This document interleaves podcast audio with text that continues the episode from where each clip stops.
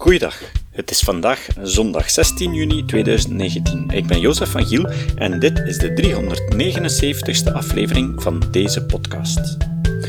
Maarten Boudry schreef een boek en dat is altijd interessant. Daarin gaat hij in tegen het doemdenken en toont aan dat we eigenlijk in de beste tijd leven en dat we de problemen die er zijn het beste oplossen met wetenschap en technologie. En op 2 april werd zijn boek in de Minaar Schouwburg in Gent voorgesteld. En wij mochten het opnemen.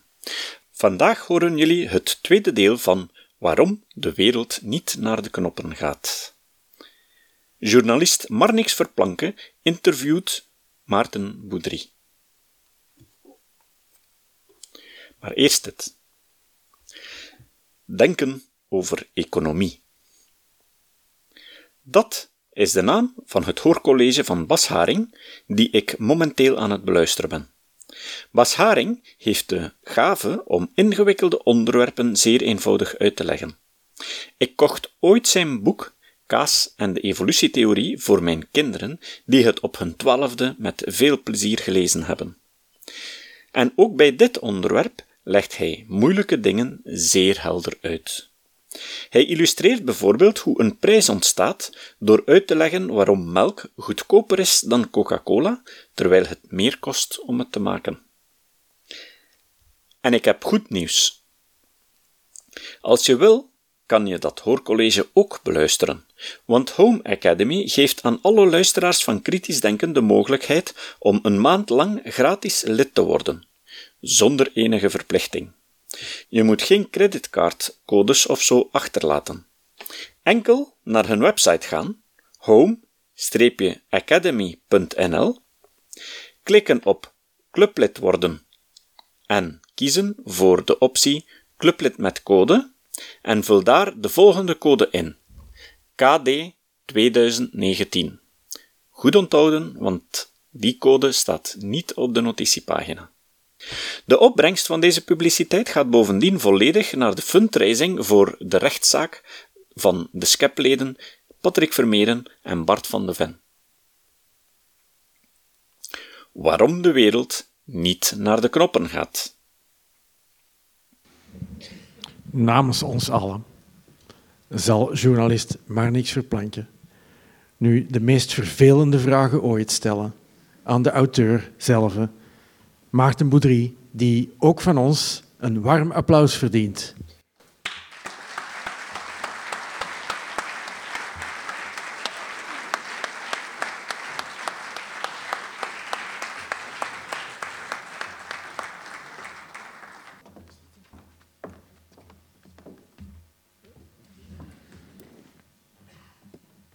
Ik kon nog niks zeggen, dus ik kon alleen maar zwaaien. Goedenavond iedereen. Goedenavond. Dag Marnix. Dag Maarten. Ja, na al die lovende woorden, wat kan ik daar nog aan toevoegen? Hè?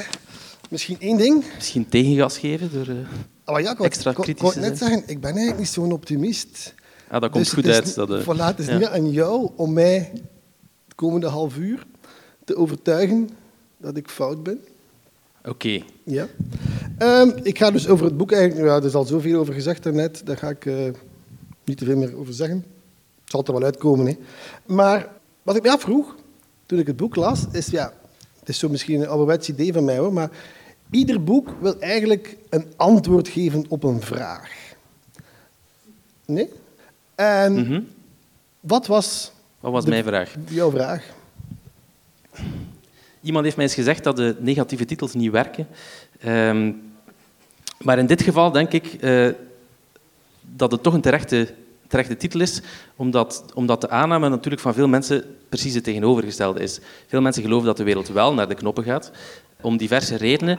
Dus het is voor veel mensen misschien een verrassing dat het, dat het zo goed gaat met de wereld. Dus de vraag van waaruit ik vertrok is vooral als het inderdaad klopt dat het zo goed gaat met de wereld, want dat zijn ook zaken die ik zelf heb bijgeleerd de afgelopen jaren. Dus ik ben beginnen lezen over vooruitgang, laten we zeggen vijf jaar geleden. Ik heb daar denk in 2013 mijn eerste stuk over geschreven, voor de morgen toevallig. kan geen toeval zijn. Dus de zaken over de stijgende levensverwachting, gemiddeld Van 1800 schommelde die rond de 30 jaar wereldwijd. Vandaag is dat meer dan 70 jaar. De kindersterfte die spectaculair gedaald is. Allerlei ziekten die zijn uitgeroeid of sterk teruggedrongen. De welvaart die werkelijk door het dak gaat. Dus een grafiek maakt van de welvaart door de eeuwen heen, zie je eigenlijk horizontale lijn tot je zo omstreeks 1800 komt en dan gaat die plots bijna loodrecht omhoog, een soort van hockeystick. Geweld is spectaculair gedaald, rechten van minderheden, van vrouwen zijn toegenomen. Niet overal natuurlijk, maar goed, dus het globale plaatje is bijzonder positief. Vond ik zelf ook verrassend om, om te lezen. En dan is de vraag natuurlijk, hoe komt het dat die informatie, dat de blijde boodschap, om eens een eh, religieuze term te gebruiken, dat die niet is aangekomen of niet doorgedrongen, dat veel mensen zich er tegen verzetten. Dus hoe komt het dat onze stemming als samenleving nog steeds zo somber is, als het inderdaad klopt dat de wereld er nooit beter voor stond uh, dan vandaag. Want daar moet ik natuurlijk mensen eerst van overtuigen. Vandaar dat ik ook begin in het eerste hoofdstuk met de feiten van de mondiale vooruitgang. Het gaat telkens over de wereld in het algemeen, hoewel het meestal de westerse beschaving is die het voortouw neemt, eigenlijk, die voor het eerst uit het dal kruipt. Dus wat de feiten zijn van vooruitgang die ik op een rijtje zet. En de vraag die dan rijst is, waarom geloven Zoveel mensen, desondanks dat de wereld naar de knoppen gaat. Nu zijn er natuurlijk verschillende strekkingen onder die, die pessimisten, dus ik onderscheid er ook verschillende. Ik weet niet of je daar nog vragen over zal stellen. Ik kan die nu al toelichten of later, maar, ja, maar ja, dat was, dat wel heel kort. Ja. Dus je hebt vier scholen eigenlijk, of vier strekkingen onder de pessimisten. Je hebt degenen die zeggen dat het vroeger allemaal beter was mhm. en dat het sindsdien bergaf gaat.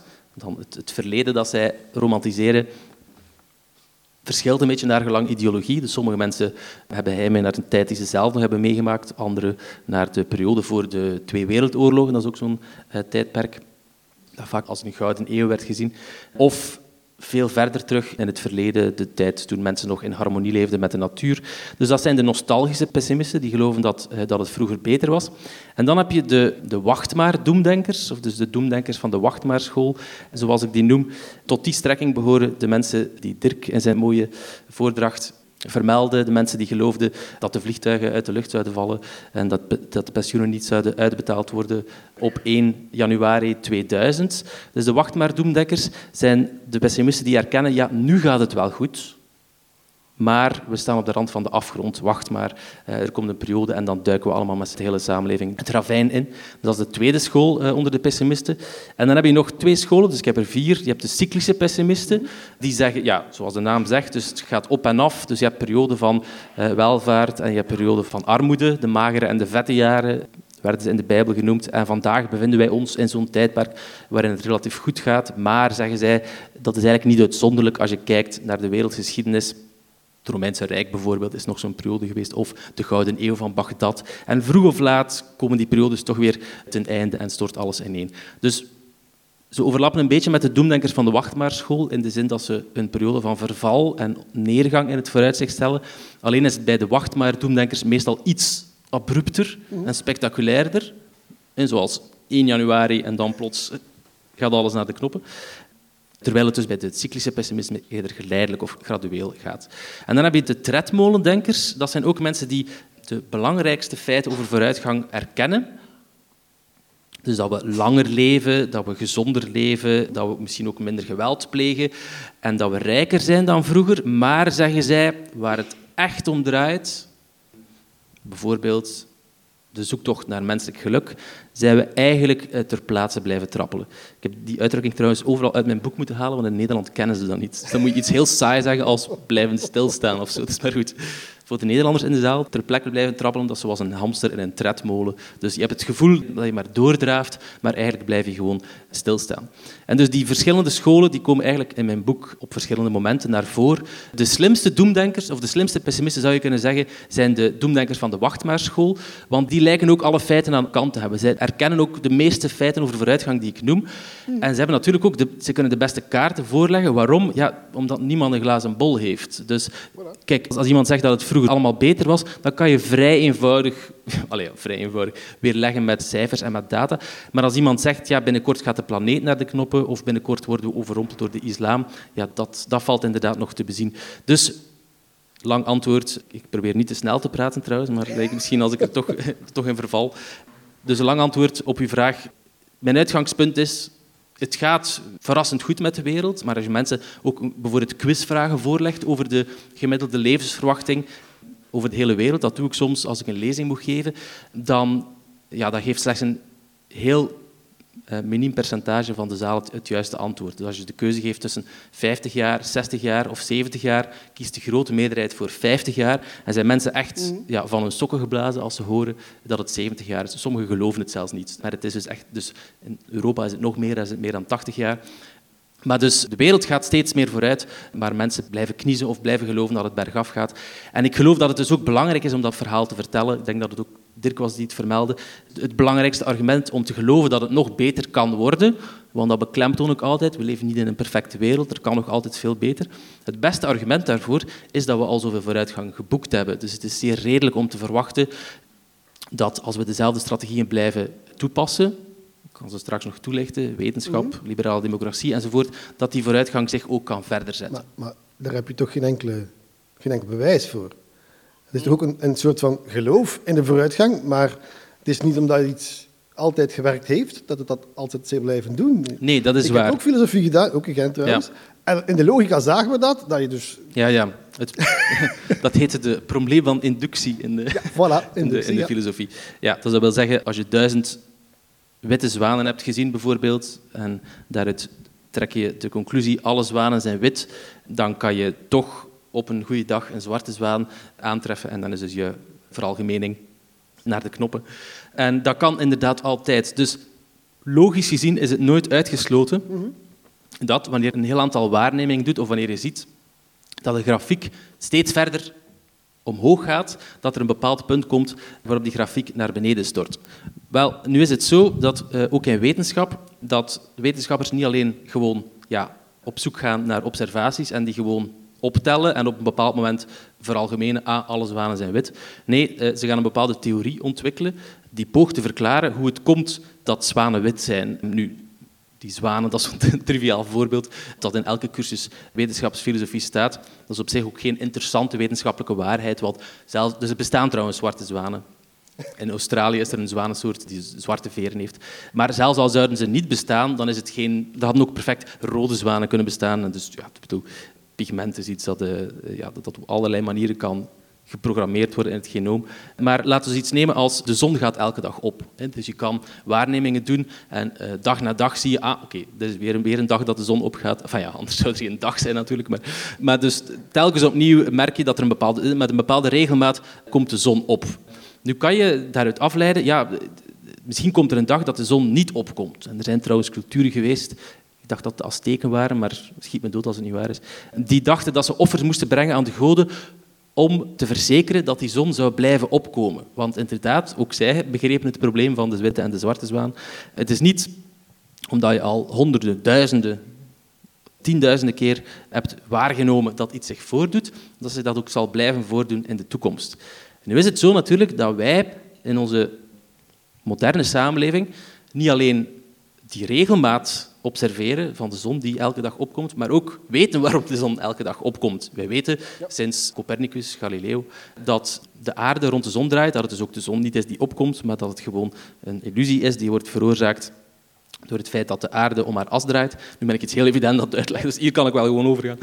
Maar dus we begrijpen dat het, het, zeer onwaarschijnlijk is, ja, er zou echt een goddelijk mirakel moeten voor nodig zijn, dat ervoor zou zorgen dat de zon op een dag niet zou opkomen. We weten dat de aarde een bepaalde spin heeft en als die zal blijven aanhouden, en zolang ze die blijft aanhouden, zal de zon blijven opkomen. Trouwens, de dagen worden steeds langer. Als je teruggaat, een half miljard jaar geleden bijvoorbeeld, duurden de dagen maar 23 uur en een half bijvoorbeeld, omdat de aarde toen iets sneller om haar as bewoog. Ook de aarde is onderhevig aan inertie en aan weerstand en gaat dus heel geleidelijk aan stilvallen, maar dat zal nog ja, miljoenen jaren duren. Dus we hebben een bepaalde theorie die verklaart waarom dat de zon elke dag opkomt. En nu kom ik weer bij mijn verhaal over vooruitgang. De vooruitgang die we zien, bijvoorbeeld wat betreft levensverwachting, wat betreft rijkdom of gezondheid, dat is geen aaneenreiging van toevalligheden. Het is niet dat we elke dag opstaan en zeggen ah, we zijn weer iets rijker geworden en iets gezonder en er gaan weer minder kinderen dood enzovoort. Mocht dat inderdaad een aaneenschakeling zijn van toevalligheden, dan zouden we geen enkel argument hebben om te verwachten dat morgen of binnen 10 of binnen 100 jaar zal aanhouden, dat die grafiek dus verder naar boven zal gaan bewegen. Maar natuurlijk hebben we wel allerlei kennis over hoe het komt dat we die vooruitgang geboekt hebben. En voor elke vorm van vooruitgang is daar een licht verschillend antwoord op. En soms is het antwoord ook complexer dan bij andere criteria. Maar in het algemeen kan je eigenlijk zeggen dat het vliegwiel van de vooruitgang sinds 1800 is de wetenschap geweest. Dat is een citaat dat ik aanhaal in de inleiding van mijn boek. Eh, Stefan Zweig, de Oostenrijkse schrijver van eh, De Wereld van Gisteren, eh, die noemde wetenschap de aartsengel van de vooruitgang. De reden waarom we steeds langer leven is ja, er, natuurlijk, er, je kan op levens op verschillende manieren gaan verlengen, maar omdat we betere voeding hebben, omdat we betere hygiëne hebben, omdat we ook weten waarom mensen ziek worden, namelijk door ziektekiemen. Dus we weten ook hoe we ons daartegen moeten wapenen enzovoort. Dus door de wereld naar onze hand te zetten, dat is wat wetenschap uiteindelijk doet, dat is begonnen bij de kosmos. Dus Copernicus en Galileo die ontdekten hoe onze kosmos ineenzit. Maar dat geldt dus ook voor de wereld die ons omringt, voor de levende natuur, voor de menselijke samenleving. Door daar steeds meer kennis over te verwerven, kunnen we de, de samenleving steeds beter gaan inrichten, zodanig dat we eigenlijk hetgeen kunnen verwezenlijken waar we het liefst naar willen toewerken. Dat is trouwens ook het tweesnijdend zwaard aan wetenschap. Als je de wereld naar de knoppen wil helpen, als je een of andere genocidaire dictator bent of zo, dan is wetenschap ook de beste methode. Je kan een paar waterstofbommen gooien op basis van de beste wetenschappelijke kennis en je zal ook je resultaat bereiken. Gelukkig streven de meeste mensen ernaar niet om de wereld te vernietigen, maar om gewoon hun eigen leven te leiden en om andere mensen hun leven te laten leiden. En dan is wetenschap ook dus de beste manier om dat tot stand te brengen. En eigenlijk zie ik daar een beetje, dus ik zal niet ja, voor elke vooruitgang zo'n lang antwoord geven, maar als je alles zou moeten herleiden tot één geheime formule, dus ik heb nu al de wetenschap genoemd, gaat het eigenlijk om een voortdurende cyclus van ideeën die worden uitgetest en gecorrigeerd. Dat is eigenlijk hoe wetenschap werkt. Dus je hebt een hypothese, je toetst die aan de werkelijkheid. Als ze klopt, dan, als ze weerlegd wordt, dan vind je een andere hypothese uit. Of je gaat die hypothese gaan bewerken, dus gaan wijzigen. En je doet dat steeds opnieuw. Dus een eindeloze cyclus. Op het niveau van de samenleving, dus onze samenlevingsvorm, de liberale democratie, zou je eigenlijk kunnen zien als een toepassing van diezelfde geheime formule, maar dan ja, over de manier waarop we de samenleving inrichten. En hetzelfde geldt voor de vrije markt. Dat is een beetje de heilige drievuldigheid. Ik blijf maar religieuze termen gebruiken. Maar de wetenschap, de vrije markt en de liberale democratie zijn, als je het echt destilleert tot zijn zuiverste essentie, die gaan alle drie om een voortdurend proces van toetsen, corrigeren en, en opnieuw. En altijd erkennen dat je feilbaar bent. En dat is de manier waarop we ook de wereld doorgronden en ook de maatschappij steeds beter naar onze hand kunnen zetten, zodanig dat we al die vooruitgang geboekt hebben. Dus als we nu naar de toekomst gaan kijken, er zijn natuurlijk er zijn allerlei mogelijke scenario's waardoor de wereld naar de knoppen kan gaan. Dus er is niemand die kan uitsluiten dat er morgen echt een totale catastrofe zal plaatsvinden. Vandaag was nog in het nieuws dat er fossielen ontdekt zijn van het moment waarop de meteoriet op het einde van het krijt die insloeg Yucatan, schiereiland denk ik, en Mexico, die het lot bezegelde van de dinosaurussen.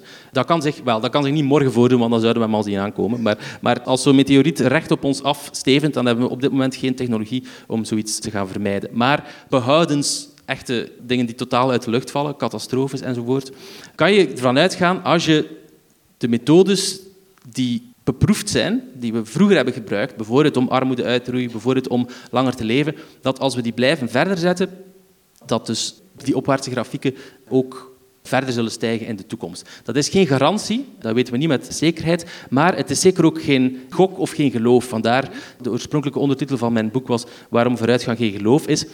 Want dat is wat je vaak hoort natuurlijk als het over vooruitgang gaat. Dat mensen denken, ja, maar bedoel, niemand heeft een glazen bol. Dat klopt. Dus je kan eigenlijk niks vertellen over de toekomst. En dat tweede klopt niet. Dus het is niet omdat je geen voorspellingen kan doen, omdat er dus, ja, niemand heeft de gave om in de toekomst te kijken. Maar dat betekent niet dat elk toekomstscenario even waarschijnlijk is. Dus ik denk dat we wel beredeneerde inschattingen kunnen doen over hoe de wereld er binnen 10 of binnen 50 jaar uitziet, die altijd wel op voorwaarden zijn, dus dat we het hoofd koel houden enzovoort. We gaan het misschien over het klimaat hebben enzovoort. Of dus, ik denk niet dat vooruitgang een geloof is. Mhm. Eh, en ik denk dat als je de waarnemingen die we in het verleden hebben gedaan, dat die ons wel degelijk iets vertellen over wat zich in de toekomst zal voordoen. Maar je noemde nu net die drie ja, eigenschappen van het goed gaan. Hè.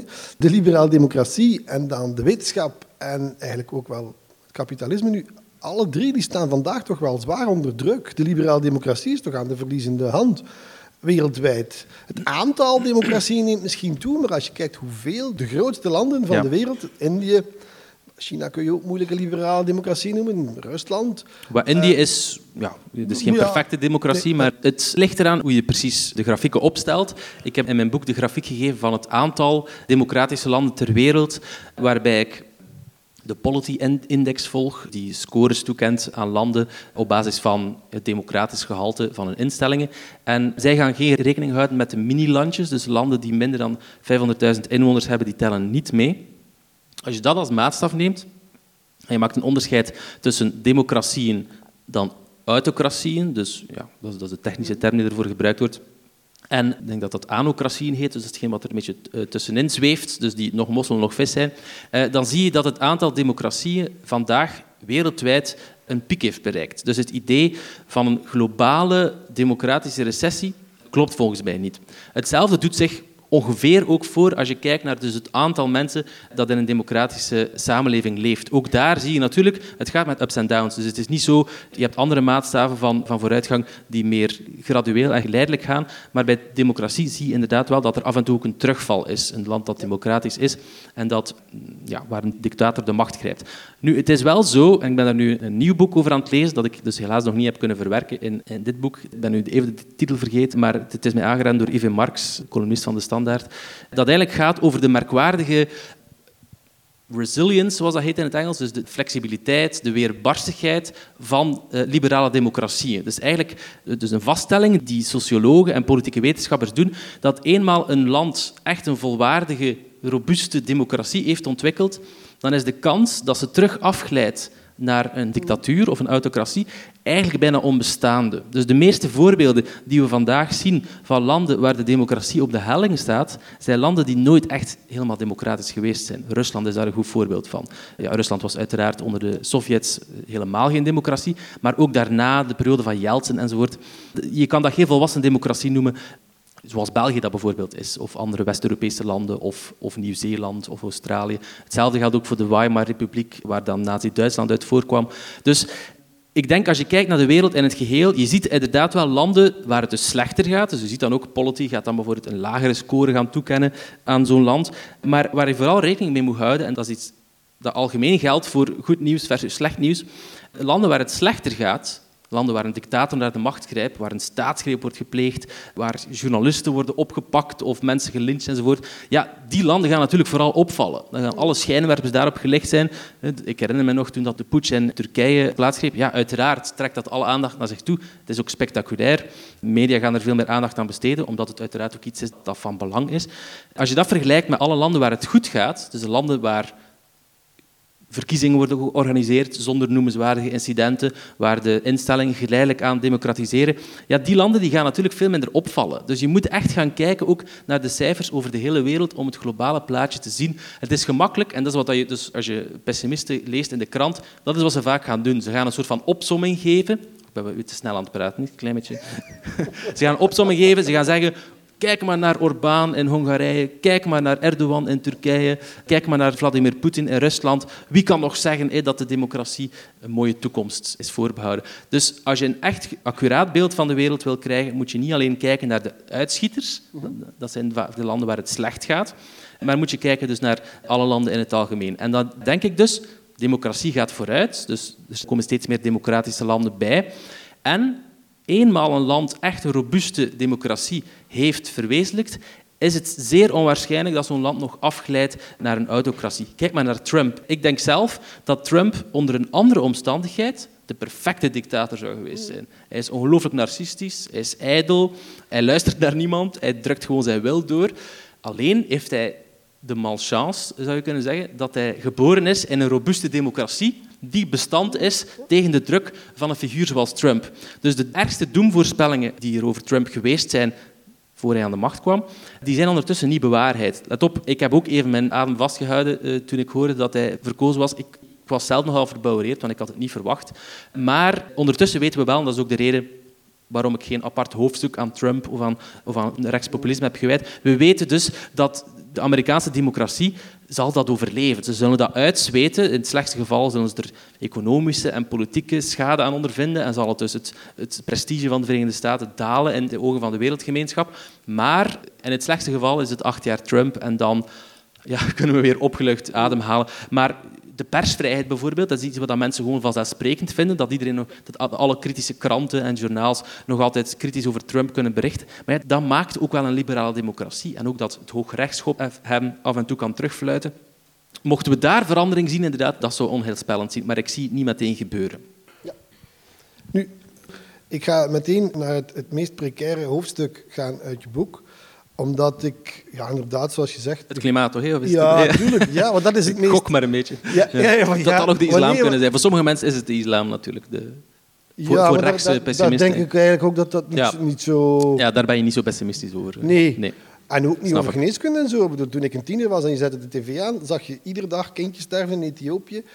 hongersnoden en zo. Dat is allemaal weg. Hè. We zien dat niet meer. Dus helemaal overtuigd. Wel, het is niet helemaal weg. Het is niet helemaal weg, maar wat is altijd, het is niet meer Dat is ook de, de reden, als je over cijfers en statistieken spreekt, krijgen mensen vaak de indruk dat je hartloos bent, omdat je onverschillig lijkt over het individuele leed. Ik denk net dat de, de juiste morele attitude is precies om te gaan kijken naar de cijfers en statistieken. Dus er zijn nog hongersnoden, maar ongelooflijk veel minder dan vroeger. Ja, oké. Daar zijn we het over eens, precies. Dat is, een beetje, het klimaat dus, ja. Het klimaat.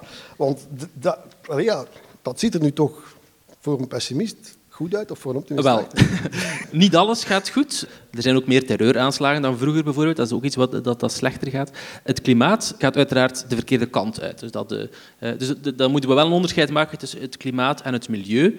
Op vele vlakken, zeker in westerse landen, is het milieu veel gezonder, veel zuiverder en veel beter dan 50 of 100 jaar geleden, zelfs dan voor de industriële revolutie. Maar het klimaat is in die zin geen klassiek milieuprobleem, omdat het eigenlijk ook niet over vervuiling gaat. Dat is wat sommige activisten niet zo goed begrijpen. Dus dat CO2 op zich een perfect onschadelijk is. Dus het is perfect veilig om het in te ademen. Het is ook voedsel voor planten en bomen. Ehm, de CO2-uitstoot van onze fabrieken en onze uitlaatgassen en onze schoorstenen zorgen er ook voor dat planten meer gaan groeien. Dus er is meer bladgroen op de wereld door de CO2-uitstoot.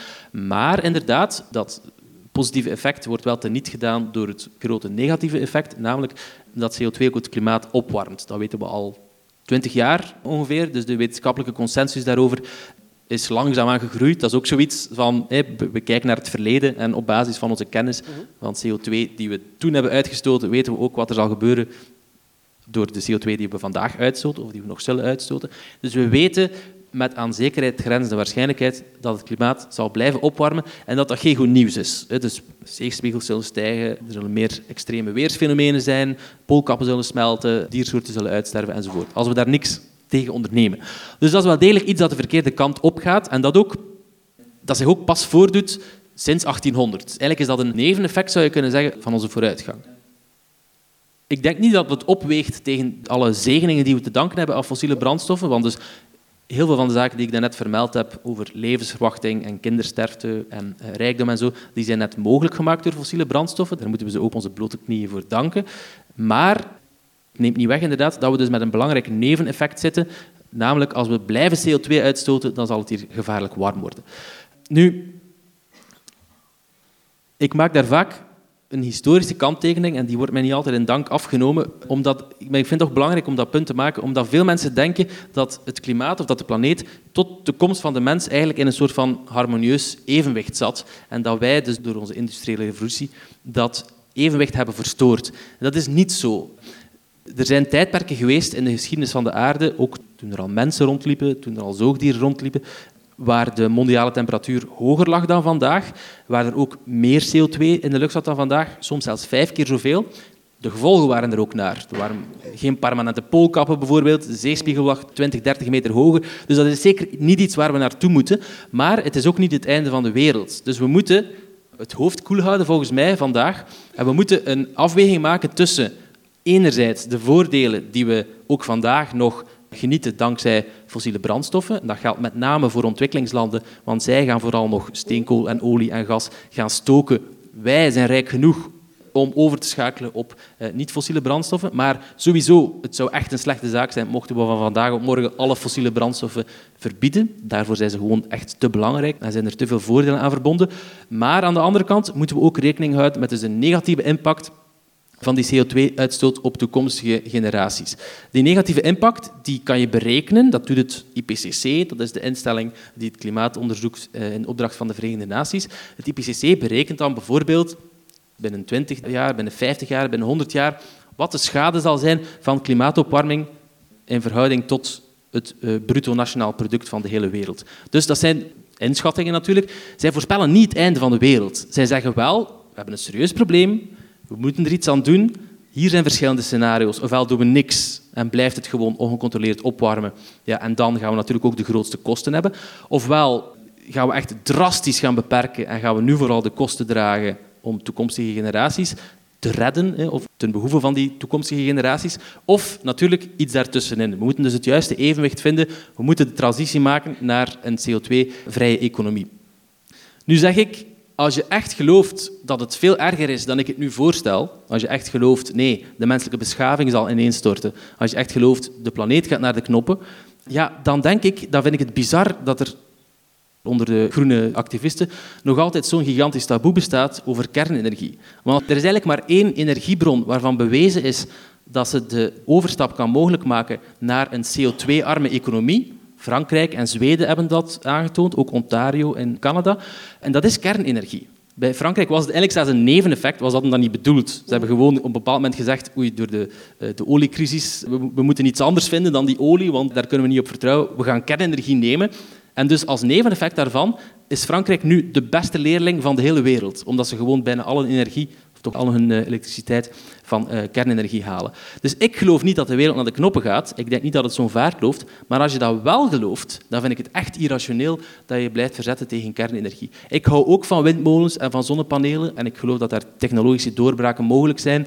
Het onderzoek van de KU Leuven is al vermeld, waarbij zonnepanelen dus waterstofgas produceren. Dat is zeer belangrijk, omdat het grote probleem van zonnepanelen is de intermittency, dus de onbetrouwbaarheid. Namelijk, ze vallen s'nachts uit, dan is er geen energie, terwijl er ook s'nachts energie moet zijn. Dus we hebben een uh, opslagmogelijkheid nodig, uh, een of andere energiedrager, die ervoor zorgt dat, die, dat we dus ook energie, elektriciteit kunnen gebruiken wanneer het niet waait en wanneer de zon niet schijnt.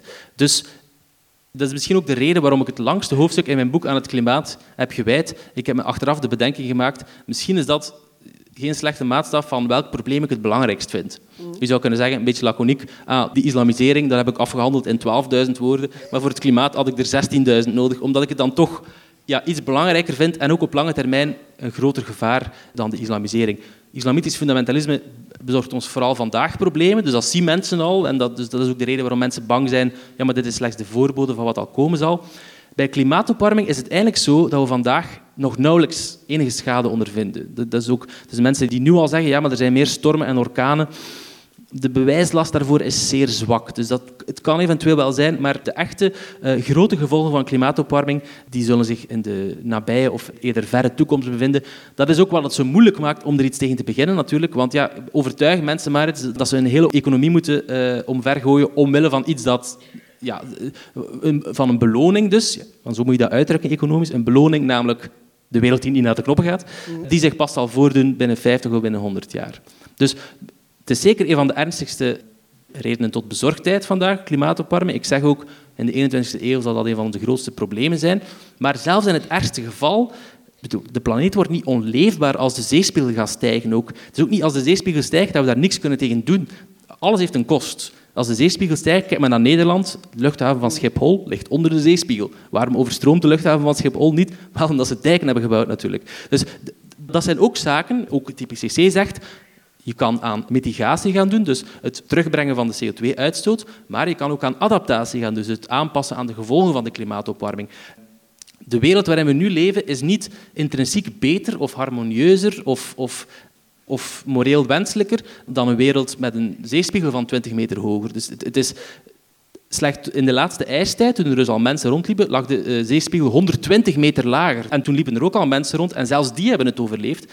Laat staan wij die over ja, de modernste technologische middelen beschikken, ook vandaag. Dat is het laatste punt dat ik maak eh, over klimaat. Ook vandaag zijn er al veel mensen die leven op plaatsen die zonder behulp van moderne technologie eigenlijk bijna onleefbaar zouden zijn. Denk maar aan Las Vegas in de Nevada-woestijn. Ik bedoel, dat zonder airconditioning en zonder irrigatie en andere moderne technologie zou dat gewoon een totaal onleefbare plaats zijn. Dus ik wil ook liever niet dat de hele wereld zoals Nevada wordt.